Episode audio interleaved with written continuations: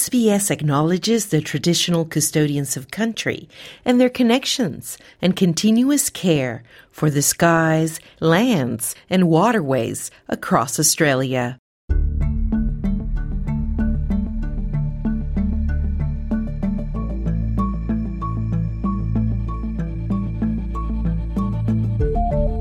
Hi there. G'day, and welcome to this episode of the Settlement Guide, a series where we help you navigate life in Australia. Whether you arrived today, have been living here for years, whether you were born in Australia or you're planning to move here shortly, this series is for you.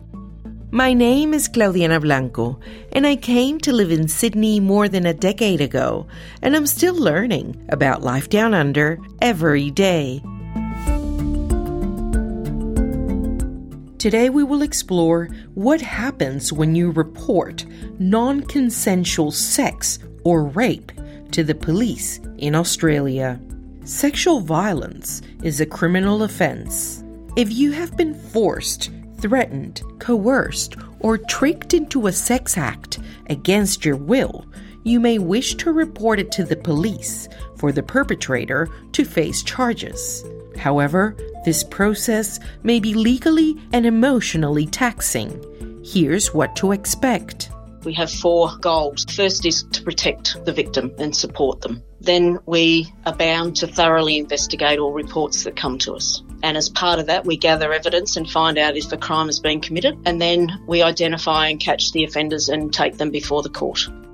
But before we start, a content warning.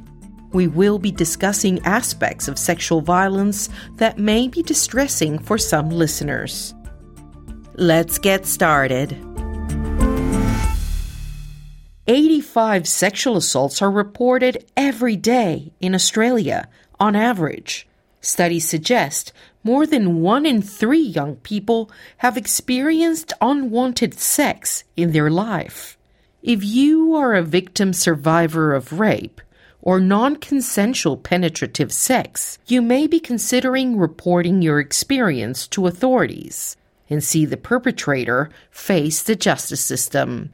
But often this decision comes with immense emotional turmoil. Some reports come via the uniform members and some come directly to our office. We encounter a person who's experiencing trauma, so their level of vulnerability is extremely high.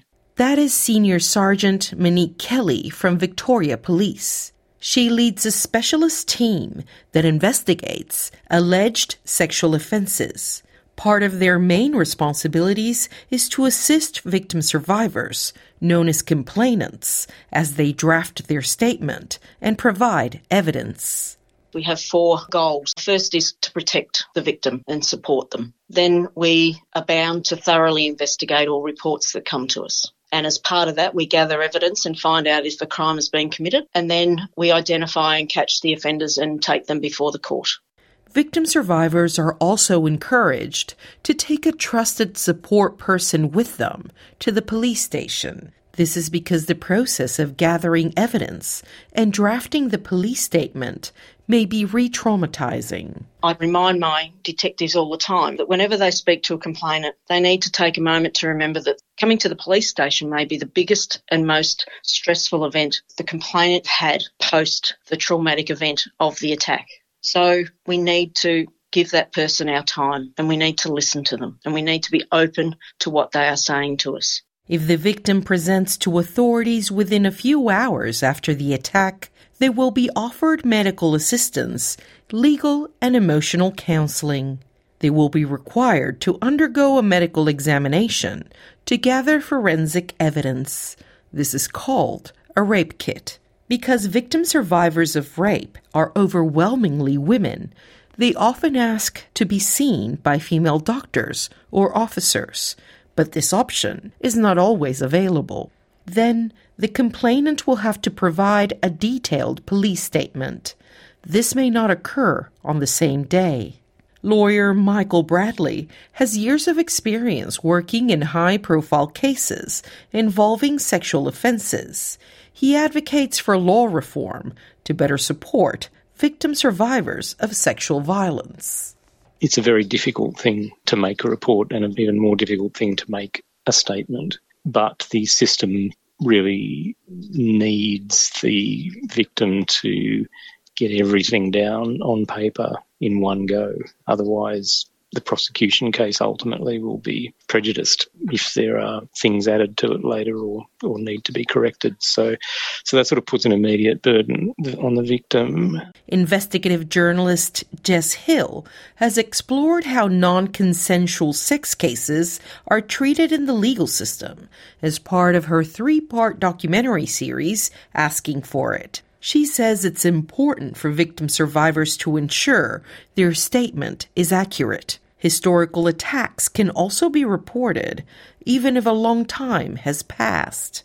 There's no time limit. Obviously, the sooner you report, the better because the earlier you do it, the more evidence there's likely to be. A written statement to police is the most important document that's going to be used in court. So you need to make sure that it is exactly right. I've heard of people feeling awkward that when they read back over their statement, they see mistakes and they haven't felt confident enough to correct them. You have to make sure that everything in that statement is exactly right and don't feel intimidated because you're in a police station. Once the victim survivor reports, the case is taken over by police for investigation. The complainant then becomes the key witness of their own case. If the police can gather enough evidence to prosecute the case, the brief is reviewed by the Director of Public Prosecutions, or DPP.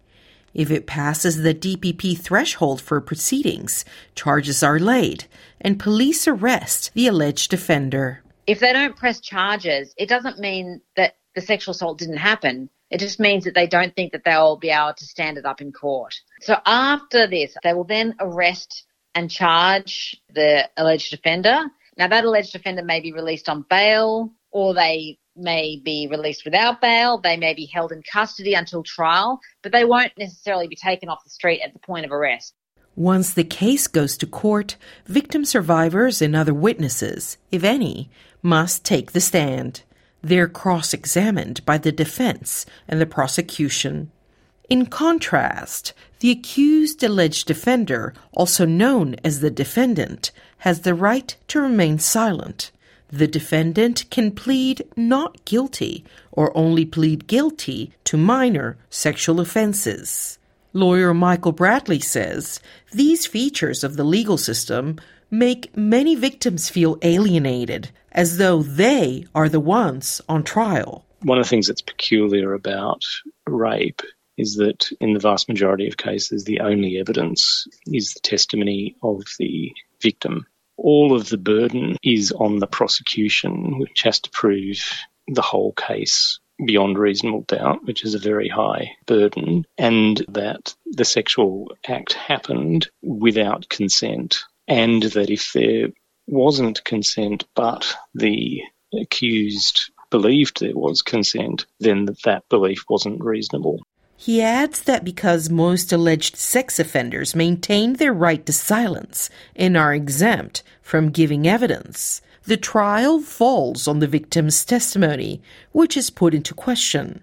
It becomes a contest about whether the victim is being truthful. So the jury will only ever hear the complainant or the victim's story, and that is the only evidence that the Crown has to prove its case. For the defence to raise reasonable doubt, the pathway to that is to raise doubt about the credibility of the victim's testimony. So they will be called a liar. It is estimated around 90% of victim survivors do not report their rape to the police. Studies show one in five Australian thinks women often make up or exaggerate claims of abuse or rape. This is the highest of any Western nation. However, Senior Sergeant Kelly says she rarely encounters victims she suspects of lying. From being a subject matter expert and having spent almost a decade in this field, I could say to you that nobody wants to go through this process. So nobody wants to expose themselves to being examined the way that the legal system examines them. So to make up something would be very, very, very unusual. If the defendant is found guilty of any of the charges, the next step is sentencing. Jess Hill again. Sentencing options can range from no conviction recorded to community service. They might even just get a fine to a prison term, which can also be disheartening for victim survivors sometimes if they feel like the sentence does not match what they were subjected to. And at sentencing, you can deliver usually a victim impact statement, which is a very important moment for a lot of victim survivors where they're able to say how that offence impacted them to the court and particularly to the person who offended against them. In recent years, some Australian jurisdictions have been changing their laws to mandate defendants of sexual offences to prove in court they obtained affirmative consent before engaging in sexual activity. Some jurisdictions are also introducing novel sexual assault reporting options for those who want to lodge their experience formally without going to the criminal justice system there are reporting systems like SARO, S-A-R-O in New South Wales, where you can report a sexual assault that could have happened any time in your life and you don't need to go through with the entire charging process all the way through to court, but it puts it on the record. Michael Bradley believes this is a useful option for victims who are concerned about protecting other potential victims very often the thing that is driving survivors is their concern about others because there's no such thing as a single incident rapist. The beauty of a reporting system like that is if, if there are other reports already in the system or subsequently are made in the system, then that can trigger the police to go back to the victims and say, hey, turns out, yes, this guy's a serial offender, at least, you know, allegedly. Do you want to pursue it? Whether you decide to report to the police or not, there are a range of support services you can access. If you or someone you know is impacted by sexual violence, call 1 800 RESPECT. You can also contact Lifeline on 13 11 14 or Beyond Blue on 1 800 22 4636. Thank you for listening to this episode of The Settlement Guide, written and produced by me, Claudianna Blanco. The Settlement Guide managing editor is Rosa Germian. Until next time.